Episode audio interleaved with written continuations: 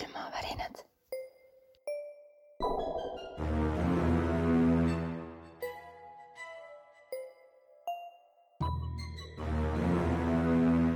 külmavärinad. tere, head külmavärinate kuulajad, mina olen Dagmar. ja mina olen Heidi. ma just sain aru, et mul on aken lahti ja mul äh, föön käib või siis äh, fänn, fänn, mis see sõna on eesti keeles? see ei kosta, aga ma just mõtlesin, et ma olen praegu katuseakendega toas ja mul sajab sinna niimoodi iga kümne minuti tagant valatakse mõned ämbrid vett otse aknasse kohe niimoodi kolinaga, nii et ma loodan, et te kuulete ikkagi mind.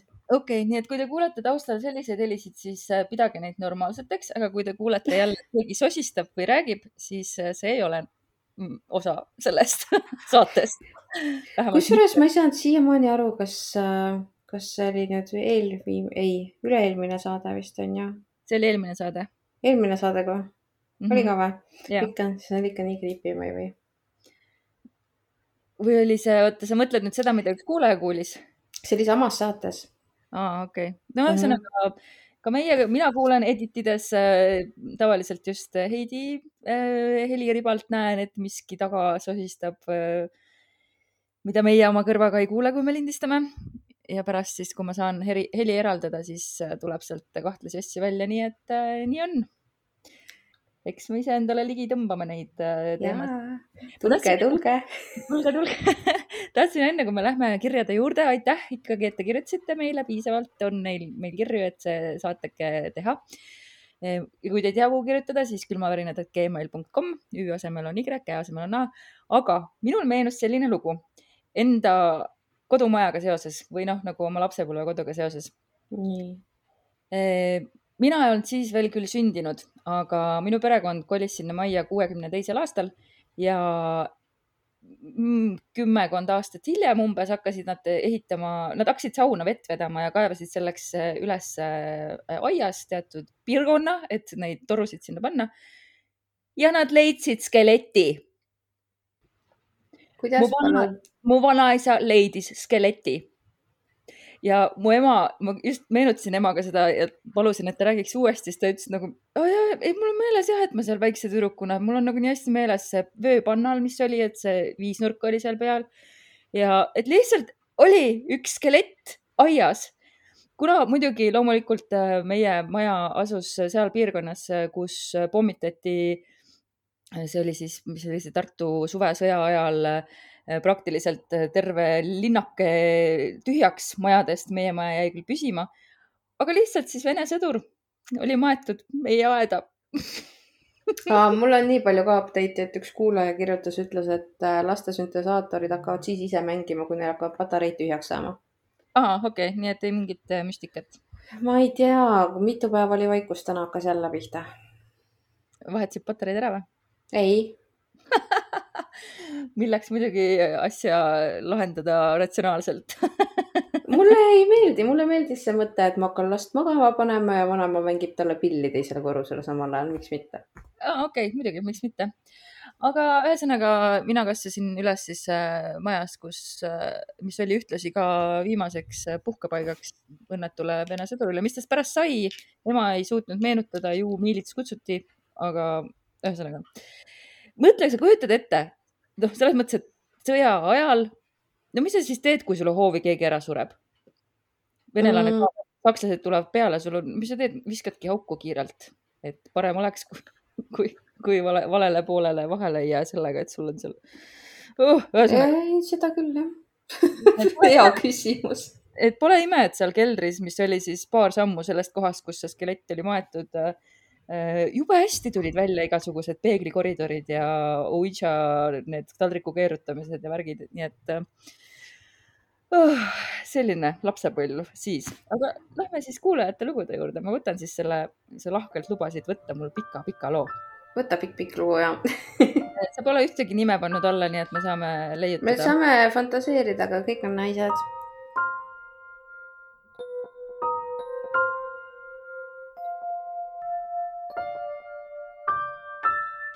Aga siis kirjutab meile, ütleme, et ta nimi on Sandra. ma ei teagi, kust seda lugu alustama peaksin. mul on ema justkui väikest viisi selgeltnägija. tema tugevad sisetunded pole kunagi valetanud. alati, kui ütleb, et ta nägi mingit unenägu, siis minus tõuseb paanika, sest see tähendab alati mingit jama. ja siis see kõige kriipim, mingi kindel hääl, mis talle unes asju ette ütleb. kui ma õigesti olen aru saanud, siis see ei ole mingi tihe asi.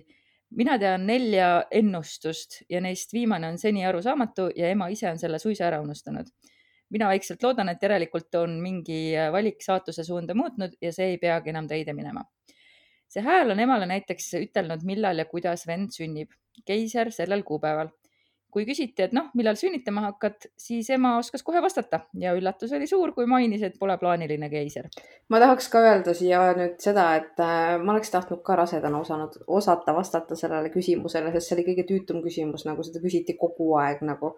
mina ma ütlesin ei... sulle kogu aeg, et sa sünnitad teisel augustil, ma ei saa aru, miks sa ei kuulanud mind vabandust, nii jätkame kas sa ei mäleta, ma olin jumala kindel, et see on teisel augustil. Olid küll vist jah aga seda, kas keiser või mitte, seda ma, aga ma lihtsalt teadsin, et see on teisel augustil. Äh, aga ma pole ka selgeltnägija. niisiis, kui nüüd loo juurde tagasi tulla, siis olin kuulnud emalt, et mu isapoolne vanaema sureb üheksakümne kahe aastaselt. mäletan, et teadsin seda juba enne, kui vanaema üldse üheksakümmend sai kui ta sai üheksakümmend kaks, siis süda ikka puperdas, aga mida enam aega ta sünnipäevast möödus, seda rahulikum oli tunne ja ühel hetkel see vist enam isegi ei meenunud.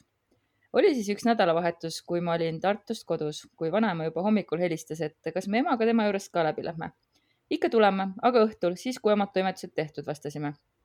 päeva jooksul helistas vanaema veel mitu korda mm.. Oh, ma tean, kuhu see lugu läheb, tahtis ainult teada, millal tuleme ega öelnud, miks tal sellega nii kiire on no ma ootan, oli vist ainuke asi. Lõpuks kolmanda-neljanda kõneaegu, kui ema juba veidi pahaselt küsis, et mis siis on, hakkas vanaema rääkima, et oli öösel voodist välja kukkunud. ega saanud enam põrandalt püsti. issand oh,! mu süda, seda oli ka varem korra juhtunud, aga siis ta helistas kohe, kui sai ja rääkis asjast. seekord ta millegipärast ootas sellist aega, et me oleks juba ärganud ja ei rääkinud kukkumisest midagi, vaid jäi ootama. oh, kui siin jälle saatuse teemat sisse tuua, siia, siin on ta märkinud, et saab ise otsustada, kas seda osa lugeda või mitte, aga noh, hea on, et ma loen lihtsalt järjest. siis poolõde ka kodukandis ja plaanisime koos välja minna. vanaemaga tegelemine, need valud ja kangus terves kehas sellest kõvast põrandast tingisid selle, et ilma kiirabita oli keeruline. Äh, ühesõnaga, see võttis kõik aega poole ööni, nii et selleks ajaks, kui oleks olnud võimalus kuhugi minna, õde juba magas. olin kindel, et järgmisel päeval ta enam ei viitsi, aga üllatust, oli nõus käisime päeva aeg veel linna peal. õhtupoole läksime vanaema juurde, et ta haiget selga määrida. õde jäi autosse ning ütles, et, et äh, ütles veel, et ära, ära ütle, kellega sa oled. tahtsin talle küll öelda, et vanaema on vana, tema käib kodukandis harva, mine tea, millal või kas üldse veel näevad, aga jätsin ütlemata, sest vanaemal oli kuri koer, meil kiire ja see mõneks minutiks kohtumine tundus olema liiga suur jebamine selle koeraga vanaema justkui oleks teadnud ja küsis, kellega ma tulin ütlesin, et mm. sõbrannaga. õhtu läks ka veidralt. oma õde teades olin üsna kindel, et ega me välja ikka ei jõua. küll jäi ta tukkuma, küll ei leidnud, küll jäi ta tukkuma, küll ei leidnud, äh, mida selga panna, aga ometigi me läksime välja. mõtlesin, et ah, keda ma seal ikka kohtan, seega panin jalga vanad kulunud püksid ja mingi kampsiku. mitte minu stiil, kui minna välja. ikka seelikud ja pidulik riietus on see väljas laupäeva õhtu oli aga baaris suht rahulik ja riietus tundus igati okk. meie lauast käis küll päris palju rahvast läbi, imelikke tüüpe ikka jätkus, aga nende pärast poleks küll olnud vaja end üles lüüa saatus, kohtasin seal ka oma abikaasat. olen sellele alati tagasi vaadates mõelnud, et oleksime väljas käinud reedel, nagu plaanis oli, polekski ma teda võib-olla kohanud. eriti märgiline tundub aga asja juures see, et kui öösel oli esimene kord, kui ma oma abikaasaga rääkisin, siis tunnid varem oli viimane kord, kui ma oma vanaemaga rääkisin. see lugu on siukene oh,. Oh. mul on, mul on täiega külmakad praegu. mul ka, issand. sellest sain ma muidugi alles hiljem teada. olin juba mitu päeva Tartus olnud, läksin seal kursakaaslastega välja, kui ema telefonis, emaga telefonis rääkides aru sain, et midagi on valesti. ema ka eitas, et midagi pahasti oleks järgmisel päeval ta helistas, et öelda, et ta valetas, et mitte mu tuju ja plaane rikkuda. vanaema oli ajuinsuldi, ajuinsuldi saanud ja oli haiglas. kuna ma käisin ka tööl, ei saanud ma koju tagasi sõita. ema ütles, et mis sa ikka tuled, teha sa nagunii ei saa midagi, keskendu tööle. tööl aga saadi ilmselt aru, et midagi on valesti ja vahetuse vanem andis mulle vabad päevad, et saaksin ikka vanema vaatama minna. arstid olid öelnud, et kui vanema peab vastu üle kolme päeva, siis on veel kõrgele eale vaatamata lootust. Mina jõudsin koju neljanda päeva õhtul, käisin haiglas vanema vaatamas, ta oli koomas ja nagu ema oli öelnud, vaadata polnud seal midagi ma tundsin end kuidagi imelikult, seisin vaid mõne hetke ta voodi jalutsis ja isa, kes mu sinna oli viinud, arvas, et pikalt seal olemine nagunii midagi ei muuda. oluline oli, et vanaema juures oli käidud. järgmise päeva hommikul saabus surmateade. vanaema oli ära oodanud, kas, et millal jõuan temaga hüvasti jätma minna. ta suri oma üheksakümne teise eluaasta keskel. Kaks päeva vähem kui poole aasta pärast oleks ta saanud üheksakümmend kolm. see oli esimene lähedase inimese surm, esimesed matused, kus ma käisin abikaasaga tutvumine võttis suurema osa leinast ära. meie suhe liikus edasi üsna kiiresti, olles kaks kuud suhtes olnud, tundes, tundus nagu oleksime juba aastaid koos olnud. ma tahan siia vahele öelda, et see tundub alati nii, kui sa oled armunud. jep. aga nüüd jõuan alles jutu tuumani. nagu mainitud, oli vanaemal kuri koer. See koer oli alati olnud minu suur sõber, ta oli küll rünnanud nii vanaema kui ka mu venda, aga mina ei pidanud teda kunagi kartma. tuli mu abikaasa ja varastas justkui minu koera südame minu käest ära ma olin isegi veidi armukade koer, kellele ükski võõras väga lähedale ei söandanud tulla, puges nüüd mu abikaasa kaisu mm.. otsustasime siis üks nädalavahetus kahekesti, kolmekesti vanaema majas veeta. võin eksida, aga minu mäletamist mööda polnud vanaema surmast tol hetkel veel nelikümmend päeva möödas. Mina läksin duši alla ja mees suitsetas puupliidi ees kükitades. oh, old school, vana hea mina kuulsin mingi hetk justkui kahtlast heli ja hakkasin kartma, et äkki koer ikka ründas meest, kui nad kahekesi jäid vannitoast väljudes jooksis koer hoopis õnnelik kirve näol majas ringi-ratas ringi. mees oli aga näost üsna kaame. tema oli suitsetanud pliidi ees kükitades, kui kilekott, mille ta ise oli polliks keeranud, kui poest tulime ja külmkapi vahele teiste kilekottide juurde pannud, lendas umbes ühe-kahe meetri kauguselt talle vastu jalga. kuidas ta ei näinud, vaid tundis, kuidas kott vastu jalga kukkus. kukkumine see väga olla ei saanud, sest vahemaa oli selle jaoks veidi liiga suur kohe oli köögiuksele tulnud ka koer, kes külmkappi ette vaatas, siis hambad paljaks ajades urisema hakkas ja turjakarvad tõusid püsti. kujutage nüüd ette neid filmides nähtud sissetungijaid taga ajavaid koeri. siis koer järsku leebus ja kukkus ülisõbralikult ja saba liputades mööda maja ringi jooksma. Veits oli creepy, aga kuidagi nagu vaatasime sellest juhtumisest mööda. paar nädalat hiljem, kui ma taas Tartus kodus olin, kuulsin juhuslikult pealt oma abikaasa ja ema vestlust, kus ema ütles, oota, siin on nimi Äh, okei, äh, siis ma teen piiksu peale, kus ema ütles, Sandrale ei tohi sellest rääkida. no mis asja, loomulikult pidi Sandra kohe teada saama, millest jutt. ema küll püüdis veenda, et usus ei taha teada, aga vot tahtsin küll, kuni selle hetkeni, kui ma teada sain, millest jutt. issand jumal küll. issand see kiri uh!. nimelt oli mu noorem vend ka läinud ükskord sinna sooviga sinna ööseks jääda, sinna on siis vanaema juures, ma saan aru, jah uh? Mhm. -huh kellaajaliselt umbes samal ajal, kui meie juhtum kordus koeraga sama. turjakarvad püsti, hambad nähtaval, urises ta külmkapi poole ja siis järsku täielik muutus ja hakkas jälle nagu kutsikas ringi jooksma. venna kogemus äh, edasi räägitud, ütles ema, et nüüd on aeg minna koerale süüa andma. Loomulikult tähendas see seda, et meie pidime mehega minema. Läksime sinna õhtul, oli küll valge, kuid hakkas hämarduma. kas see koer elab üksinda siis seal edasi või? mulle tundub küll nii praegu. okei okay suured puud hoovis olid alati minu jaoks hämarast kuidagi kõhedad olnud ja mäletan, kuidas ma neid vaatasin ja mõtlesin, et ma täiega kardan. jõudsime siis mehega käest kinni maja nurga tagant välja, e, et väravast välja kõndida. kui ma pilgu tõstsin, nägin hämaras vanaema kuju, kepp käes, värava taga seismas. Ehmatasin kohutavalt, karjatasin ilmselt või haarasin mehe õlavarrest kinni, midagi igatahes, sest mees kohe küsis, et mis juhtus mina pilgutasin ehmatuses silmi ja koheselt silmi avades polnud värava taga enam kedagi. seletasin siis mehele, et värava küljes olev postkast tekitas mulje, nagu see oleks keha ning mingi taim, mille oks tekitas peakujutise postkasti kohale, jättis mulje, nagu see oleks vanem olnud. tükk aega vaatasin neid veel ja kuidagi ei saanud aru, kuidas sai nii selge, nii vanema moodi äh, kujutis, kuidas sai neist tekkida. Ei olnud need enam kuidagigi inimese moodi. järgmisel päeval päeva ajal läksime kogu perega sinna aiatöid tegema. siis hirmu ei olnud. mul polnud selle vanaema juures kunagi harjumust postkasti vaadata, kuid miskipärast tol korral ma seda tahtsin teha. E, ja kuigi ema või, või isa ütlesid, et äh, sinna on mõttetu vaadata, sest kõik, mis sinna postkasti pandama peaks, on suunatud hoopis meie korteri aadressile. aga postkastis oli siiski midagi. Nimelt veearve, mille tähtaeg lähenemas oli. ju siis polnud eesmärk äh, ehmatada, vaid märku anda, et me postkasti ka vaataks et makske veearve ära, jah? mm. -hmm, just see on ju, ei jää, hinged ei jää kinni, vaid kui on midagi, siis nad lahendavad tavaliselt probleeme. Nad tulevad mm -hmm. probleeme lahendama. veearvet maksma näiteks. peale seda oli üks kass istunud akna taga ja emale sügavalt silma vaadanud, kuid muid märke vanemast rohkem pole olnud oh,. kiri, oh no oh..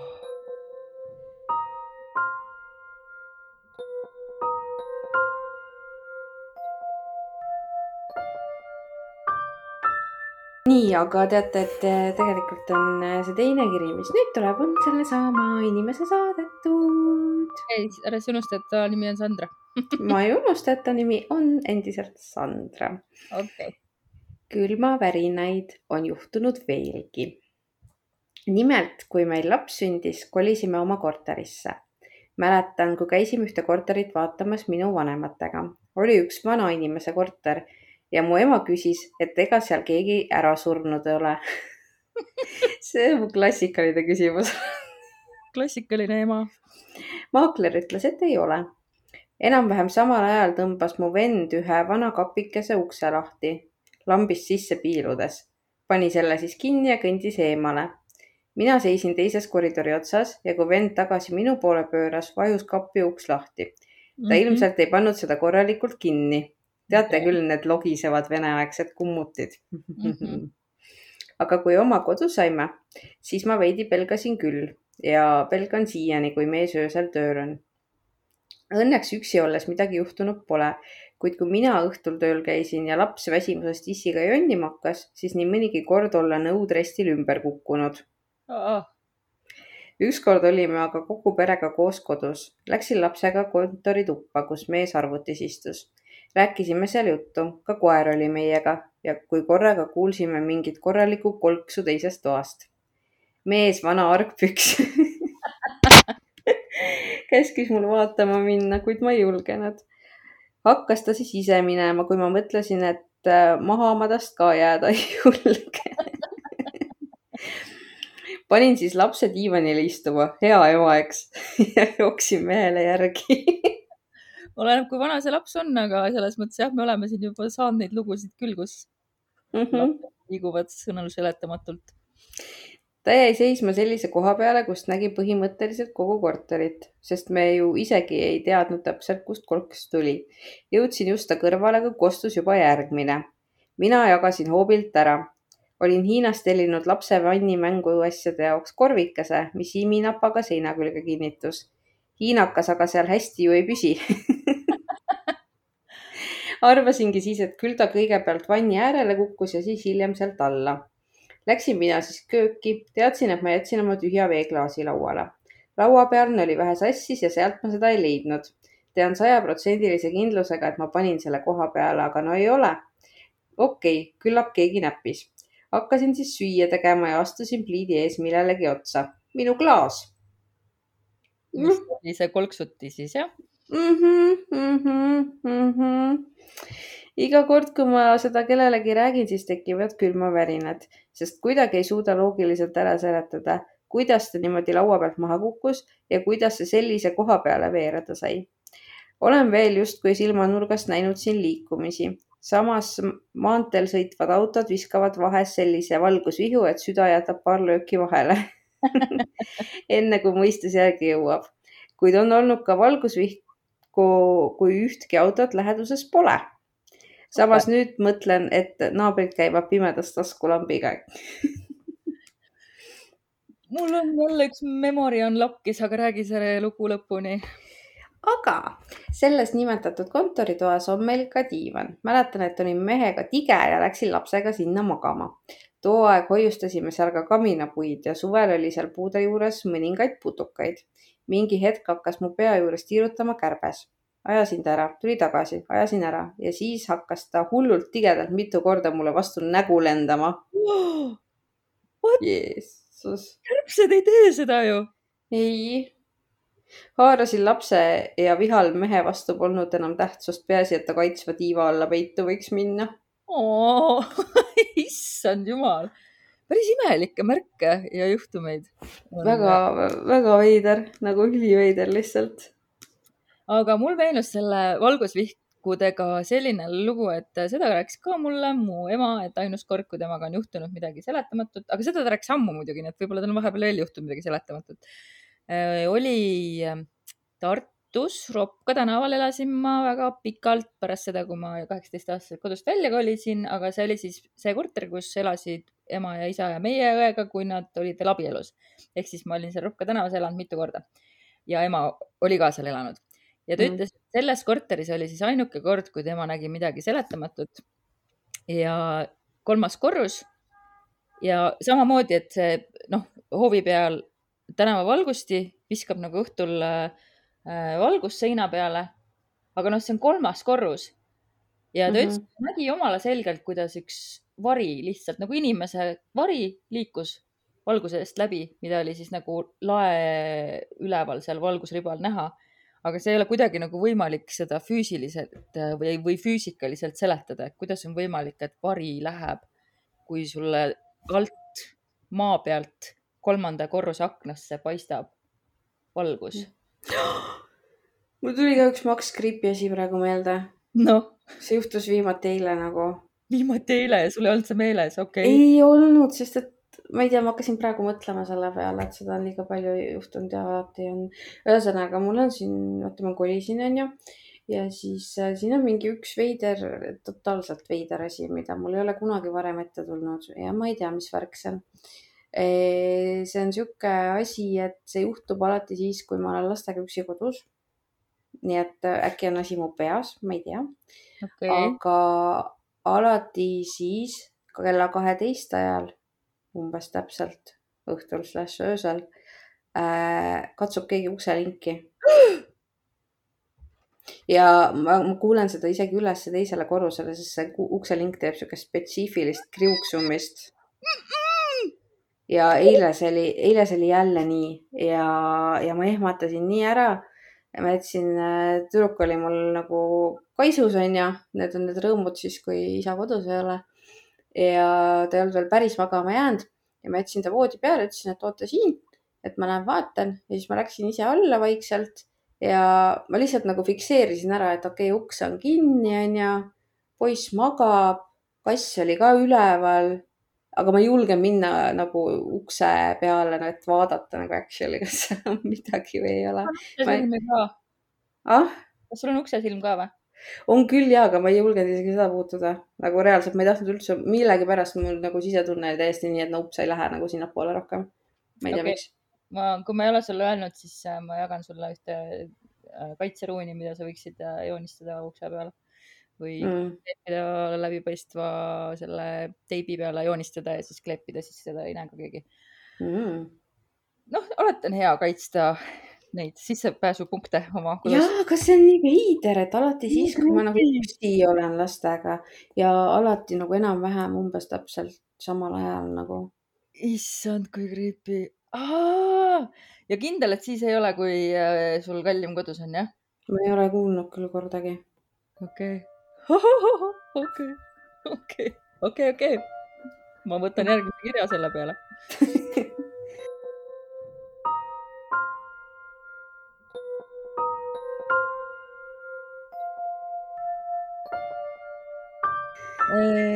kui sa oled nii kurnatud, et lugeda ja telekat vaadata ei taha, siis pole midagi mõnusamat, kui kustutada tuli, keerata end voodis kerra ja panna käima teie podcast.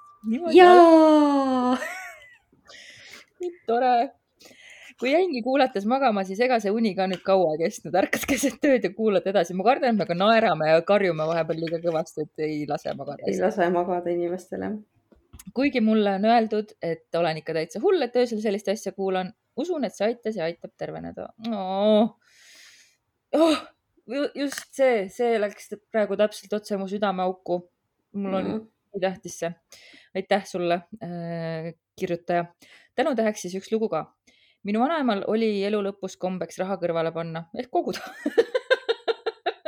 ehk säästa ma, ma ütleks, et see on hea komme mul võiks ka see komme olla, ma kogu aeg mõtlen, et kurat. sa pole veel elu lõppu jõudnud järelikult.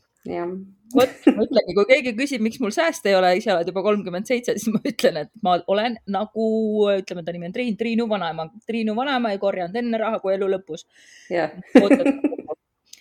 kõik teadsid seda, aga keegi ei teadnud, kus ta kogutud raha hoiab. Mm. oli tal halb ja üks järjekordne haigushoog, vanaemade saade jälle lõppeski siit ilmast lahkumisega. Muidugi tekkis mõnda aega pärast matuseid küsimus, et kus see raha ikkagi on. asi muutus suht koomiliseks, kui selgus, et vanaisa ka ei tea. täiega, täiega, see on life goals, ma ütlen teile. umbes aasta pärast lahkus ootamatult, kurat, ma naersin vale koha peal. umbes aasta pärast lahkus ootamatult ka vanaisa. enne matuseid ööbisin vanavanemate korteris, kus olin viibinud nii tihti, et iga nurk oli tuttav. nüüd, tulles köögist elutuppa, hakkasid sektsioonkapis nõud imelikult klirisema. lihtsalt niisama. eks see võis olla tingitud kiirest kõnnist või midagi sellist, aga tavaliselt nad nii ei teinud. jäin kapi juurde seisma, tegin ukse lahti, kohe ees oli suur supitirin ja sealt seest leidsin, ma nüüd ei tea, kas ma loen neid nulle õigesti, aga kakskümmend tuhat eurot. Okei okay., olen inimene, kes eriti ei kahtle selles, et surnud meile sõnumeid saadavad, aga selle loo juures on põnev see, et kuidas vanaema suutis ära hoida seda, et me seda raha, mis oli praktiliselt nina all, enne ei leia, kui seda vaja läheb. oli see ju niinimetatud kirsturaha ja vanaisa oli vaja väärikalt raha maha matta. ma arvan, et äh, asi on selles, et te ei tee piisavalt suppi ja ei kasuta supitirinaid. vot ei tea, ei tea. sest et äh, ma tahaks ka leida siukse summa kuskilt. mm. -hmm.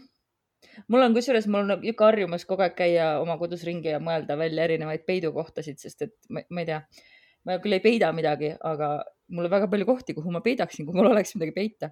supperinasse, jah, võib-olla tõesti.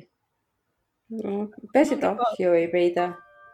jah, raha samas läheb ikka altarile, et, et kuu, kasvava kuu ajal vähemalt.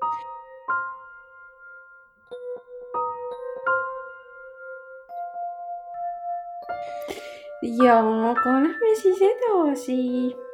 ütleme, et äh, selle kirja kirjutas meile üks tüdruk, naine, kes elas kunagi eksmehega Prantsusmaal. ja kirjutab ta siis nii, nime ei ütle, ei ütle. või ütlen või? ütleme, et äh, Monika okei okay., tšau, Monika. okei okay., elasime eksmehega Prantsusmaal ühes tööliste majas maisipõldude vahel. kõlab nii romantiliselt, ma ei või. Mhm. linna oli umbes viisteist kilomeetrit. eksmees käis siis metsas tööl ja vahest oli ka öösel tööl. esimene päev oli seal majas okei okay.. Teisel päeval jäin üksi ja siis hakkas kõik pihta uh. -oh. sammud pööningul, kus polnud keegi käinud. nelikümmend aastat lausa ei olnud mitte keegi käinud seal pööningul. okei, voodikrigin, mis äh, tuli ka pööningult. oi Jeesus. kui eksmehele rääkisin, siis ta mind ei uskunud.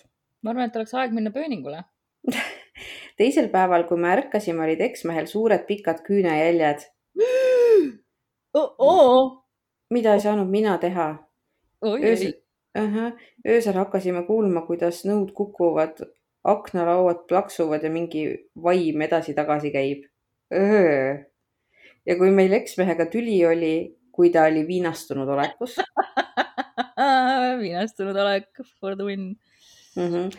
mille pärast tema siis otsustas Eestisse tagasi tulla, sosistas talle keegi seal kõrva, et sa pead siit ära minema, mine ära vastik, vastik, vastik. mm. -hmm. ja boonu-, boonusena, boonusena sosistati veel, et siin ei ole turvaline. Eesti keeles või? ma ei tea, itaalia keeles vist mitte. okei igal juhul tänaseks on tema see eksmees kahjuks surnud mm. -hmm. okay.. no jah, muideks, meil on, kui me peaksime kunagi Prantsusmaale sattuma, siis äh, Nii. meid oodatakse lahkesti ühte vanasse lossi ghost hunt ima, sest et ma sain tuttavaks inimestega, kes elavad Prantsusmaal lossis ei noh, ja on seal näinud nii üht koma teist. mees ei usu eriti millessegi, aga naine usub ja siis nad rääkisid mulle päris äh, toredaid juhtumeid. jeebus, see kõlab nagu. me oleme väga rohkem sinna, okei okay., sest et Prantsusmaa. hakkame planeerima.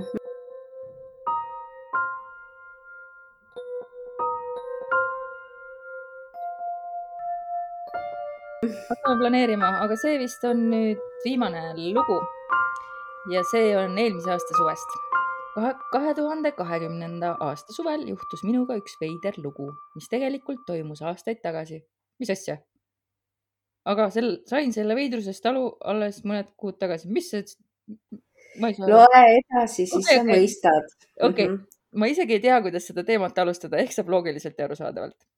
minu vanaema, see ongi vanaemade saade, pole midagi teha. minu vanaema on meist saja viiekümne kilomeetri kaugusel elanud ja sinna läksime autoga. käisime seal vähemalt korra kuus, kui mitte tihedamini. Meie peres on neli last ja siis polnud mingit turvaveokohustust, seega istusime kõik nagu kilud karbist tagaistmel sama, sama lapsepõlv, mitte küll neli last, aga lihtsalt meil oli ka vanaema, vanaisa, ema, kasuisa, mina ja siis mu õde ja kõik mahtusime väiksesse Žigulisse ära. ma mäletan ka, see oli nii legendaarne, siis kui maale mindi, siis pandi kõik tekid pandi veel istumise alla ja padjad sülle ja. ja, ja, ja täiega. niisiis, vanaema juurest tagasi tulles nägin alati ühes kindlas asulas tee ääres ühte vana naist. mäletan siiani ta riideid, sambla roheline villane mantel, kollane rätik peas, seelik, pruunid sukkpüksid ja saapad, käes korv ja nii aastaringselt. iga kord seisis ta seal tee ääres ja lehvitas.